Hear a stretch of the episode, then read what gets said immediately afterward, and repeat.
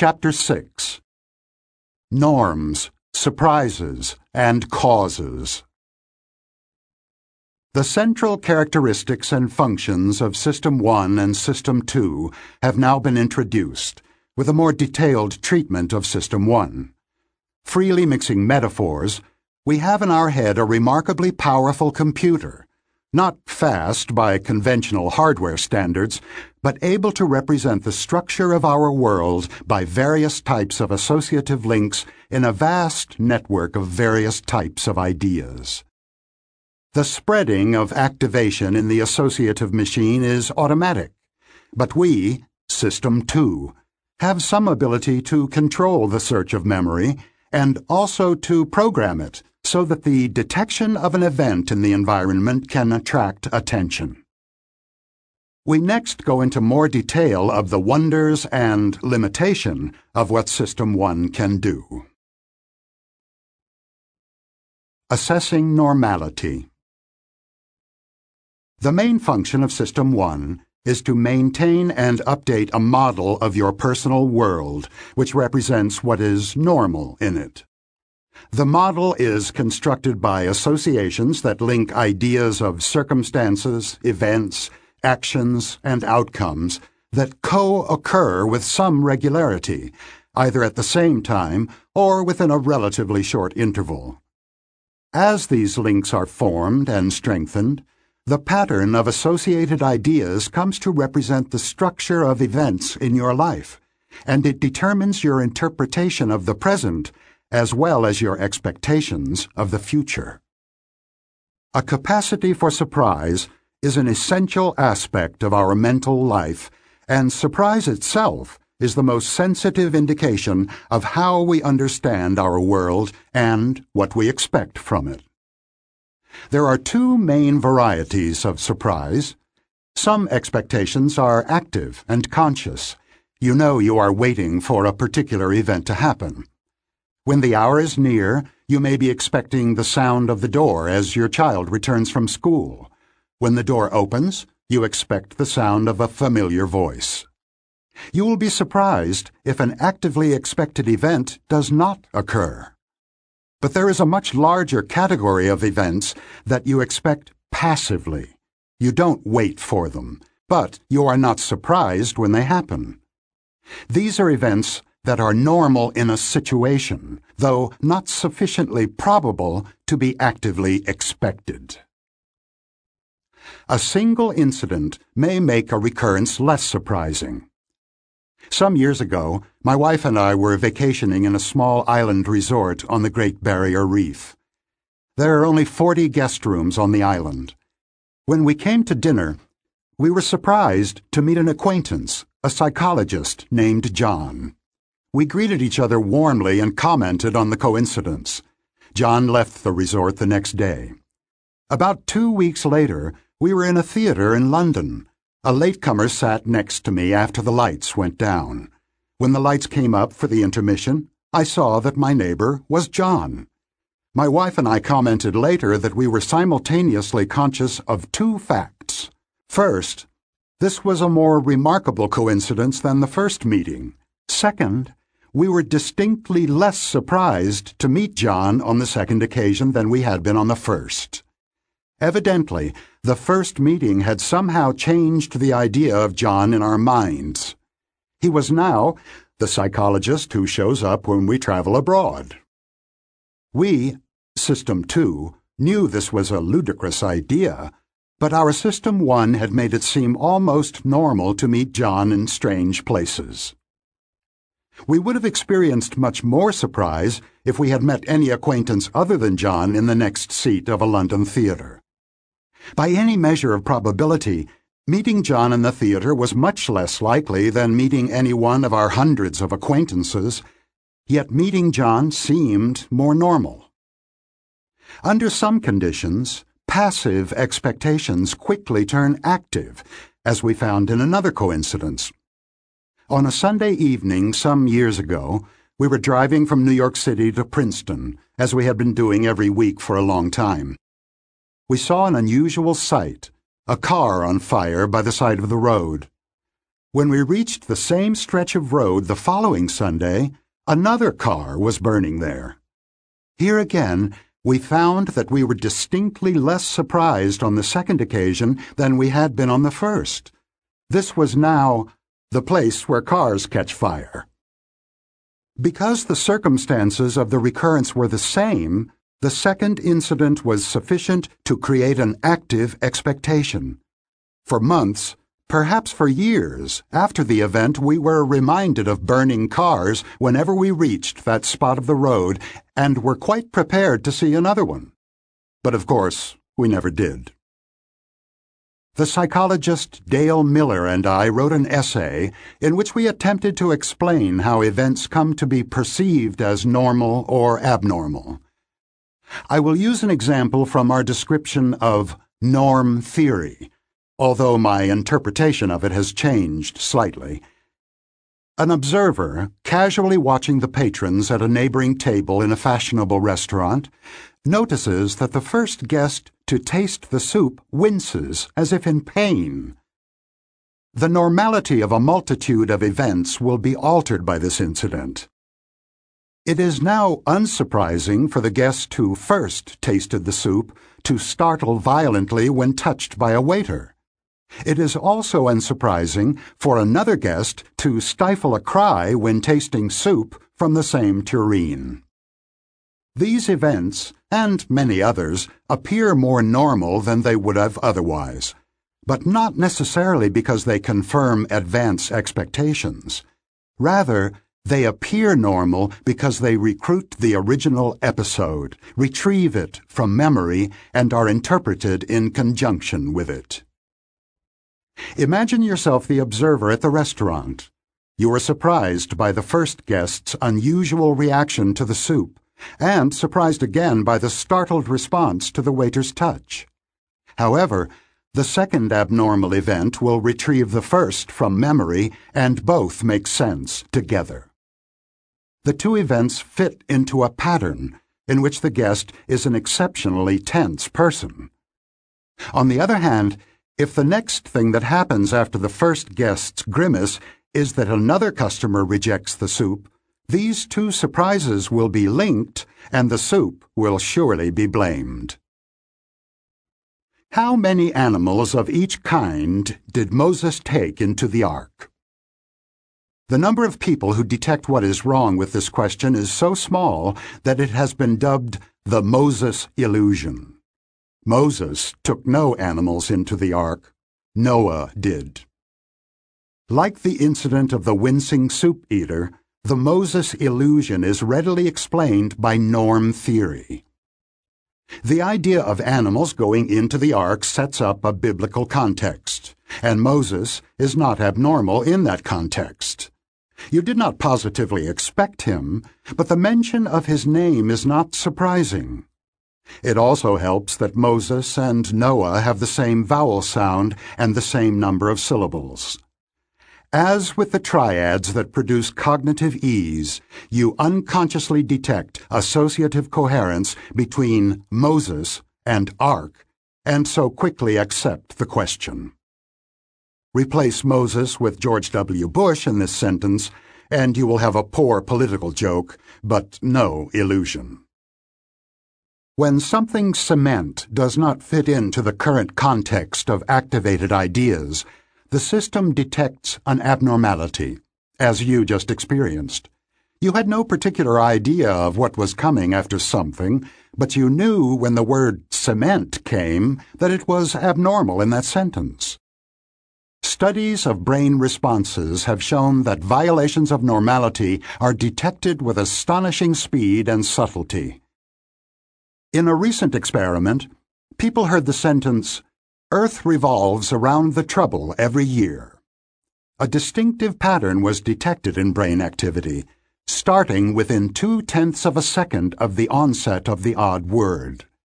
Even more remarkable, the same brain response occurs at the same speed when a male voice says, I believe I am pregnant because I feel sick every morning.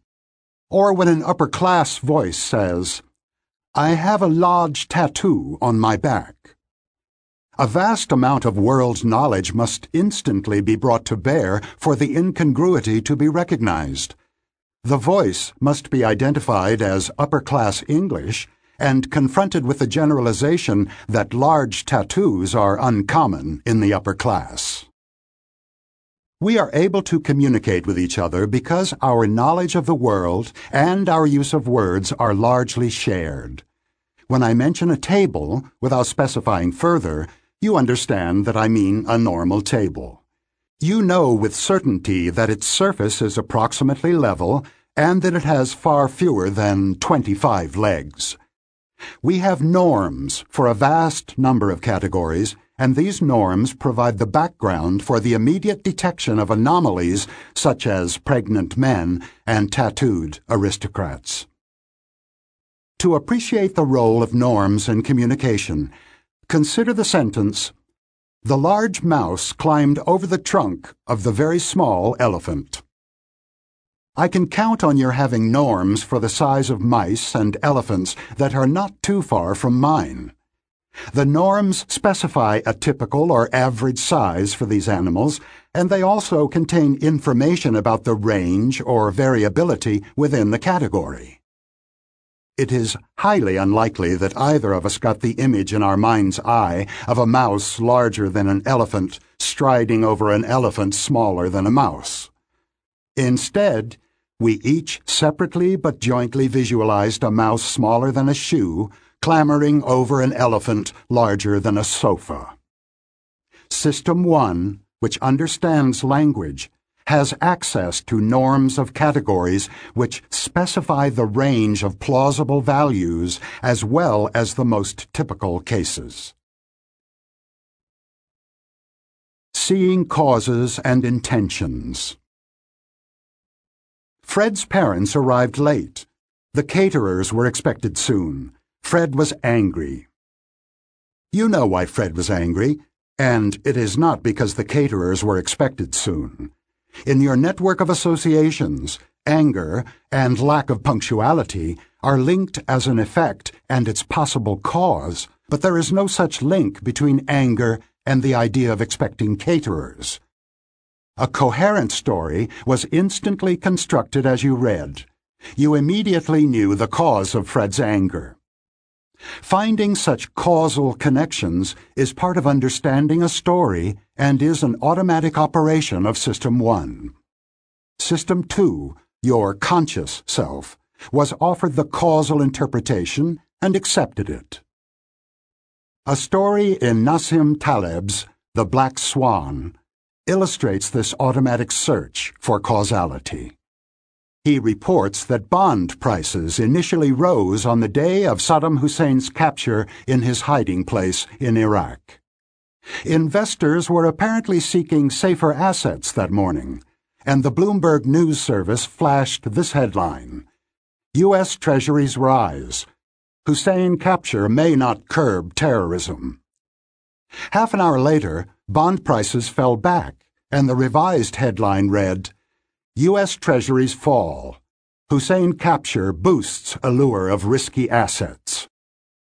Obviously, Hussein's capture was the major event of the day, and because of the way the automatic search for causes shapes our thinking, that event was destined to be the explanation of whatever happened in the market on that day.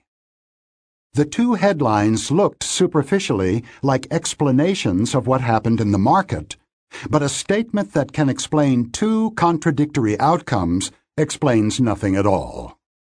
In fact, all the headlines do is satisfy our need for coherence. A large event is supposed to have consequences, and consequences need causes to explain them. We have limited information about what happened on a day, and System 1 is adept at finding a coherent causal story that links the fragments of knowledge at its disposal. Listen to this sentence. After spending a day exploring beautiful sights in the crowded streets of New York, Jane discovered that her wallet was missing. When people who had read this brief story, along with many others, were given a surprise recall test, the word pickpocket was more strongly associated with the story than the word sights, even though the latter was actually in the sentence while the former was not. The rules of associative coherence tell us what happened. The event of a lost wallet could evoke many different causes. The wallet slipped out of a pocket, was left in a restaurant, etc. However, when the ideas of lost wallet, New York, and crowds are juxtaposed, they jointly evoke the explanation that a pickpocket caused the loss. In the story of the startling soup, the outcome, whether another customer wincing at the taste of the soup or the first person's extreme reaction to the waiter's touch, brings about an associatively coherent interpretation of the initial surprise, completing a plausible story. The aristocratic Belgian psychologist Albert Michotte published a book in 1945, translated into English in 1963, that overturned centuries of thinking about causality, going back at least to Hume's examination of the association of ideas. The commonly accepted wisdom was that we infer physical causality from repeated observations of correlations among events. We have had myriad experiences in which we saw one object in motion touching another object, which immediately starts to move, often, but not always, in the same direction. This is what happens when a billiard ball hits another and it is also what happens when you knock over a vase by brushing against it. Michotte had a different idea. He argued that we see causality just as directly as we see color. To make his point, he created episodes in which a black square drawn on paper is seen in motion. It comes into contact with another square, which immediately begins to move. The observers know that there is no real physical contact, but they nevertheless have a powerful illusion of causality. If the second object starts moving instantly, they describe it as having been launched by the first. Experiments have shown that six month old infants see the sequence of events as a cause effect scenario, and they indicate surprise when the sequence is altered. We are evidently ready from birth to have impressions of causality, which do not depend on reasoning about patterns of causation. They are products of System 1. In 1944, at about the same time as Michotte published his demonstrations of physical causality, the psychologists Fritz Heider and Mary Ann Simmel used a method similar to Michotte's to demonstrate the perception of intentional causality. They made a film which lasts all of 1 minute and 40 seconds in which you see a large triangle, a small triangle, and a circle moving around a shape that looks like a schematic view of a house with an open door. Viewers see an aggressive, large triangle bullying a smaller triangle a terrified circle, the circle and the small triangle joining forces to defeat the bully, they also observe much interaction around a door and then an explosive finale. The perception of intention and emotion is irresistible. Only people afflicted by autism do not experience it. All this is entirely in your mind, of course.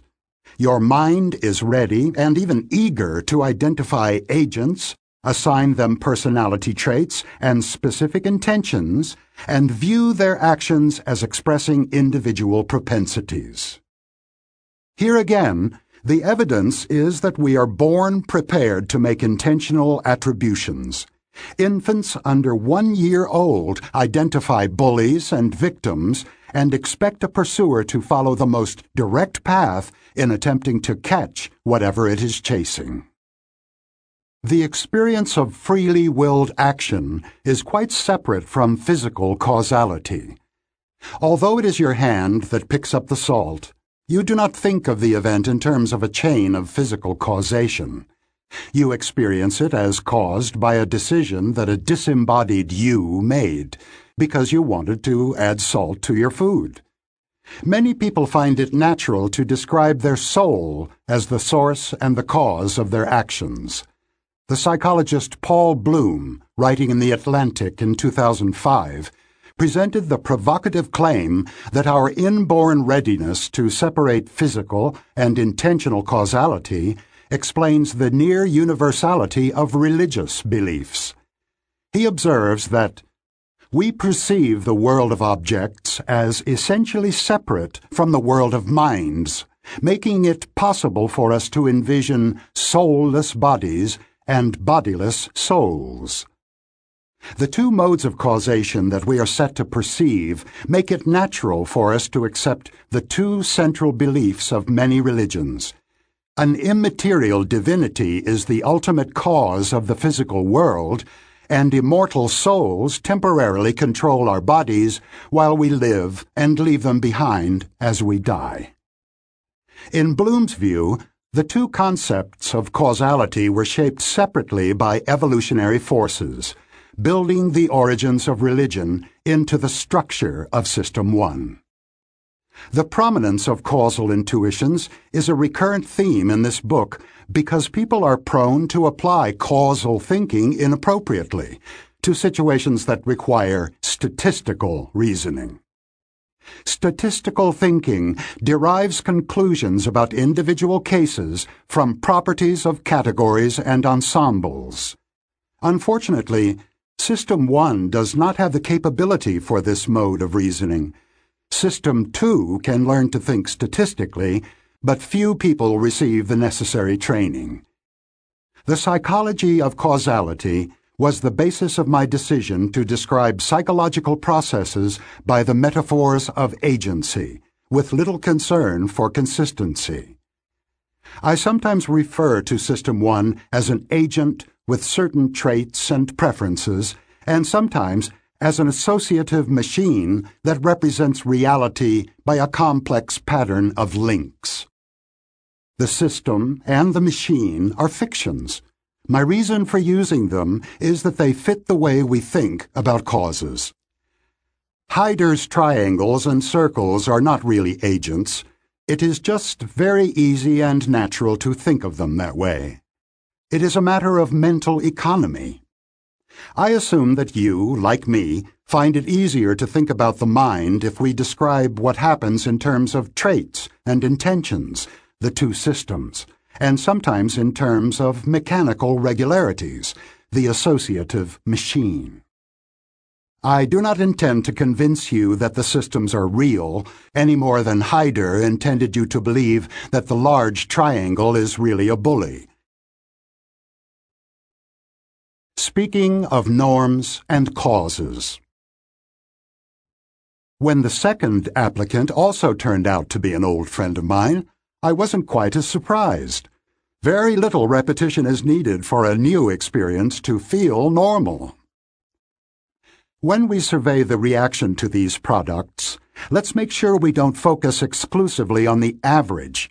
We should consider the entire range of normal reactions. She can't accept that she was just unlucky. She needs a causal story. She will end up thinking that someone intentionally sabotaged her work.